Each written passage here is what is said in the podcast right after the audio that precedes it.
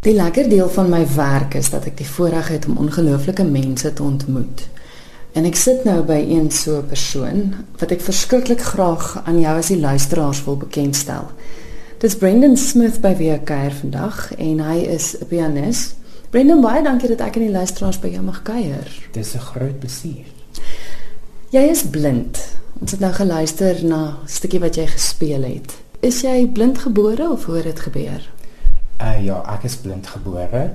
Ek weet nie presies wat die naam van die kondisie is nie. Dit is nogal die die dit kom daarop neer dat my oë dit eenvoudig nie reg ontwikkel het nie. So vanaf ek kon dit ek nog nooit enigiets gesien nie, nie lig nie, nie donker nie. Dit basies niks nie. Dit is my altyd interessant as ek met met blinde persone gesels, as jy dit nog nooit gesien het nie. Konsepte soos die kleur rooi die blou lig. Maak jy jou eie prentjies op of hoe verduidelik mense dit vir jou? Wel, ek neem aan met uh, verskillende mense is dit maar altyd verskillend. Vir my persoonlik assosieer ek kleur met iets soos byvoorbeeld rooi uh, of die blou lig of die son wat, wat ek met geel assosieer. Dit het nie vir my so baie betekenis nie, so ek ek dit kom baie op 'n punt waar iemand vir my vra watter kleur van iets soek jy en dan sê enige iets.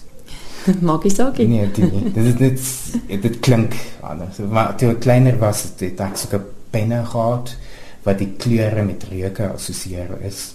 Ehm um, en en dit is dalk ook iets om mm. bietjie van 'n assosiasie mee te maak, maar oor die algemeen is dit maar tipe konsep. Die rede waarom ek met jou gesels is omdat jy vir my so 'n storie van hoop is. Jy het besluit ten spyte van jou tekortkominge dat jy alles gaan gee. Jy het jou bemus gedoen. En ek wil graag hê ons moet gesels oor die paadjie wat jy gestap het. Het jy van kleins af geweet dat jy musiek wil doen? Was dit nog altyd 'n belangstelling? Ek sou sê vanaf ek so 6, 7 af is ja, en ek het van kleins af ek het begin blokfluit speel, net almal weet maar. En ehm um, toe rondom ek dink 7 het my eerste klavierles gehad het.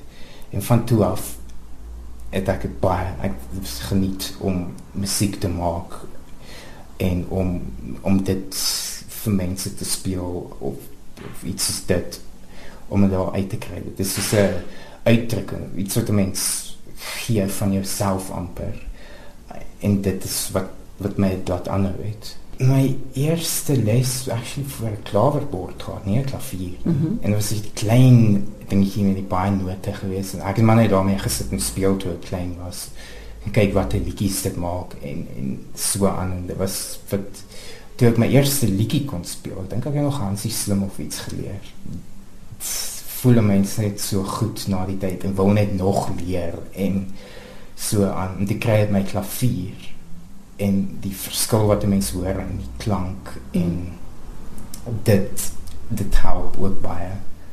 Jy het uit die aard van die saak op gehoor gespeel want kon jy van kleins af al blad lees of hoe dit gewerk? Ek het in die begin, ek dink die eerste jaar wat ek les gehad het, is privaat gewees en net sulke ligte goedjies gebeur. Dit het ek op gehoor gespeel. Hmm. Toe die volgende jaar begin ek toe met bladmusiek wat ek in braille geleer het. Ek, ja die, die basiese note begin leer en dis 'n klein stukkies begin speel wat uit een van die boeke uitgekom het wat ek maar so in braille moes leer. Maar mens kan dit natuurlik soos met gewone musiek nie nou daarna kyk en sit en speel nie. Ja. Met dit nog steeds memoriseer. Mens word nie net sommer by die universiteit aanvaar as 'n musiekstudent nie. Jy het 'n lang pad gestap want jy moes Unisa graad hoeveel kry? Vir BMS was dit Unisa graad 8 klavier en teorie graad 6. En moet jy deur 'n keuring gaan om gekies te word as 'n BMS student? Ja, ons moes so 'n mini eksamen ding skryf en, en speel en daarop het hulle jou gekeur. En dan die studie self, is dit moeilik? Dit hang af wat jy deel um, die klavier self, die praktiese element of van eie klavier en sang as tweede instrument gedoen. Ek sê die klavier was die mees uitdagingste geweest. Die ander goed die die die teorie, geskiedenis, kon mens nog doen. Jo, gemaklik sonder enige struikelblokke.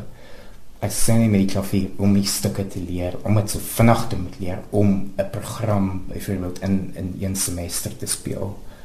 Ek het nog baie moeite gevat, baie tyd gevat. Het die aard van die saak moet jy die stuk voor die tyd in brail memoriseer. Ja. Want jy kan tog nie soos 'n ander pianis terwyl jy speel kyk nie. Ek moes letterlik uh in die vakansies voor die semester begin sit met die musiek. Moes dit eers kry en dit was 'n storie op sy eie. Vertel my gou daarvan. My skryf uit Woester uit. Hulle het my so 'n biblioteek by die pionierskool. Ja. En ons bestel dit altyd van hulle af. So ehm um, ek het dit daar gekry en dan vroeg voor tyd. So ek en my professor bespreek my my volgende jaar volgende semester se program lank voor die tyd. En dan het ek die boeke gekry, dan begin ek sit en die nuwe te lees en dit uit my kop uit die een hand en dan die volgende hand speel. Op 'n stadium in my studies het dit bietjie onprakties geword om om aan te hou met dit want dit vat tyd en toe het ek weer op gehoor begin speel.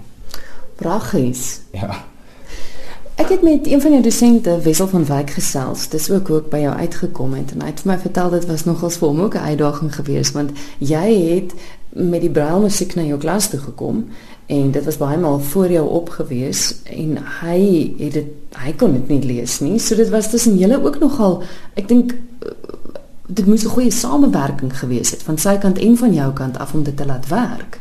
Ja, ek sien die, die hoof idee is net om die tyd met mekaar te kommunikeer. Hmm. So ons sal byvoorbeeld hy sal vir my sê kyk na die maat en die note daar dit is nou wat ons aan wil werk of iets is dit.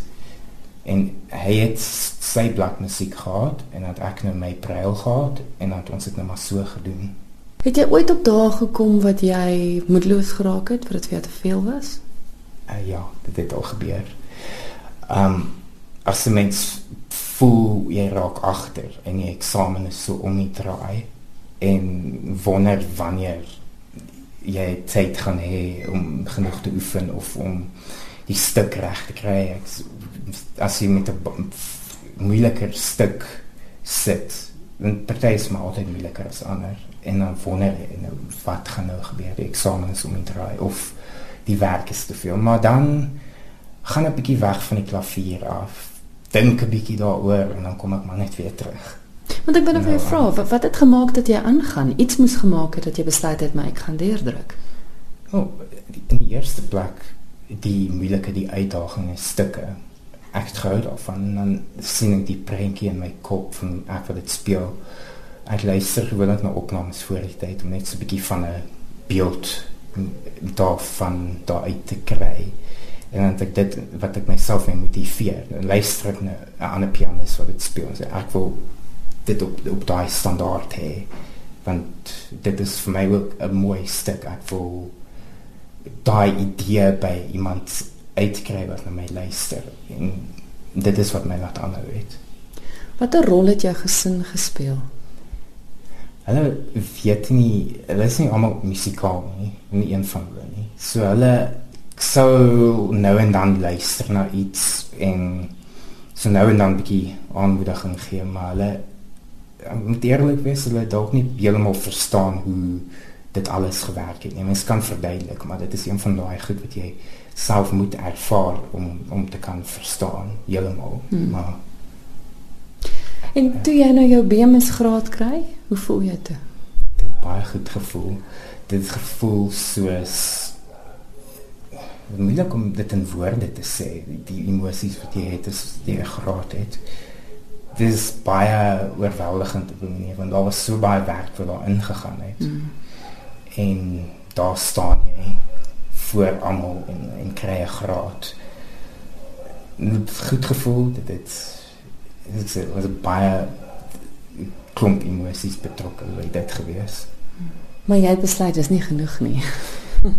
jy het nou jou BMS graad en jy's tans weer besig om te studeer. Ek studeer nou LLB regte. Ja. En ek klaar gemaak met my eerste jaar. Dit is nog altyd so ek dink dit was iewers in hoërskool wat ek iets gelees het, een van 'n boek oor 'n uh, prokureur iewers. En ek dink toe by myself en ek was baie geset op my musiek ook. En ek dink, maar dit is vir my interessant. Ek wil dit doen. En ek by myself, okay, maar ek lees dan maar net die goed. Ek moet nou nie weghardloop met 'n klomp idees nie. Kom ek gee dit tyd. En ek studeer my musiek en ek kom by die einde daarvan en ek dink, maar het die reg te wil net nie weggaan nie. En te besluit ek maar hoekom nie. En ek geniet dit baie. Is dit vir jou makliker, miskien ook omdat die praktiese deel daarvan nie by is nie? Ek sou sê ja, want die boeke, die materiaal wat ons het is toegangbaar. So uh, ek kan dit baie makliker toegang hê tot dit en dit is makliker om notas te maak in die klas so en so aan. So ek voel asof ek 'n bietjie meer begelyke voet is mm. in daai opsig en dan dan het ek nie daar te veel ekstra's natuurlik maar altyd klein goedjies maar maar jy sal nooit ophou klavier speel nie nee ek dink nie so nie ek het 'n bietjie 'n klein breek gevat na dat ek my musiek graad klaar gemaak het want ek het vir baie jare gespeel en um, ek dink ek behoort miskien 'n bietjie klas te gee dalk verder te speel ek is nog nie 100% seker nie maar ek sou definitief nie los nie. Hmm. Absoluut. Nie. Dis nou jou geleentheid om vir luisteraars 'n boodskap te gee. En wat sou jy graag wil sê want ek weet jy het vir my gesê dit is vir jou tog belangrik om die onderhoud met my te doen. Wat sou jy vir hulle sê? Daar's baie keer wat mense te doen het met met ander mense en waar ander mense se paai loop en dan kom jy agter dat mense anders is van jou af hulle verskil op een of ander manier. Of hulle kom van 'n ou kultuur af, praat 'n ander taal of lewe met 'n gestremdheid of iets is dit. En ek dink wat ek baie meer sukkel met mense wat hierdie idee het in hulle koppe dat as jy 'n gestremdheid het, moet jy jammer gekry word of iets is anders is fout met jou of jy kan nie seker goed doen nie En natuurlik is dit nie waar nie. Daar's baie mense wat daar buite gaan en gaan studeer. Ons het baie blinde studente wat studeer by die Universiteit van Pretoria wat ten spyte van daai uitdaging nog daar is en en aanhou. So wat ek kan sê vir die luisteraars is om in so 'n situasie met so 'n sê gaan met 'n open mind luister na die ander persoon, kommunikeer met hulle en dan word dit te waar. En wat sou jou boodskap wees aan aan ander mense wat ook uitdagings het? Wat ek geleer het is dat die lewe aangaan en dit, mag dalk baie hard klink om dit te sê en dit is nie wat dit bedoel nie. Maar wat wat ek agtergekom het is met my uitdagings ek kan nie bekostig om op te gee nie. Al wil 'n mens partykeer maar eendag sal ek heeltemal op my eie moet aangaan met met my lewe, moet ook eendag 'n familie hê en die verantwoordelikhede hê wat iemand anders het. So wat ek vir die mense kan sê is daar is altyd hoop, ek voel en en dinge gebeur met ter rede. En ek voel daar is altyd 'n lig iewers aan die einde van die tunnel. So die wat uitdagings het, moet dit met dit in gedagte hou en maar altyd inkyk na hulle self toe en net nooit opgee nie. Ek dink nie dit is die moeite werd nie.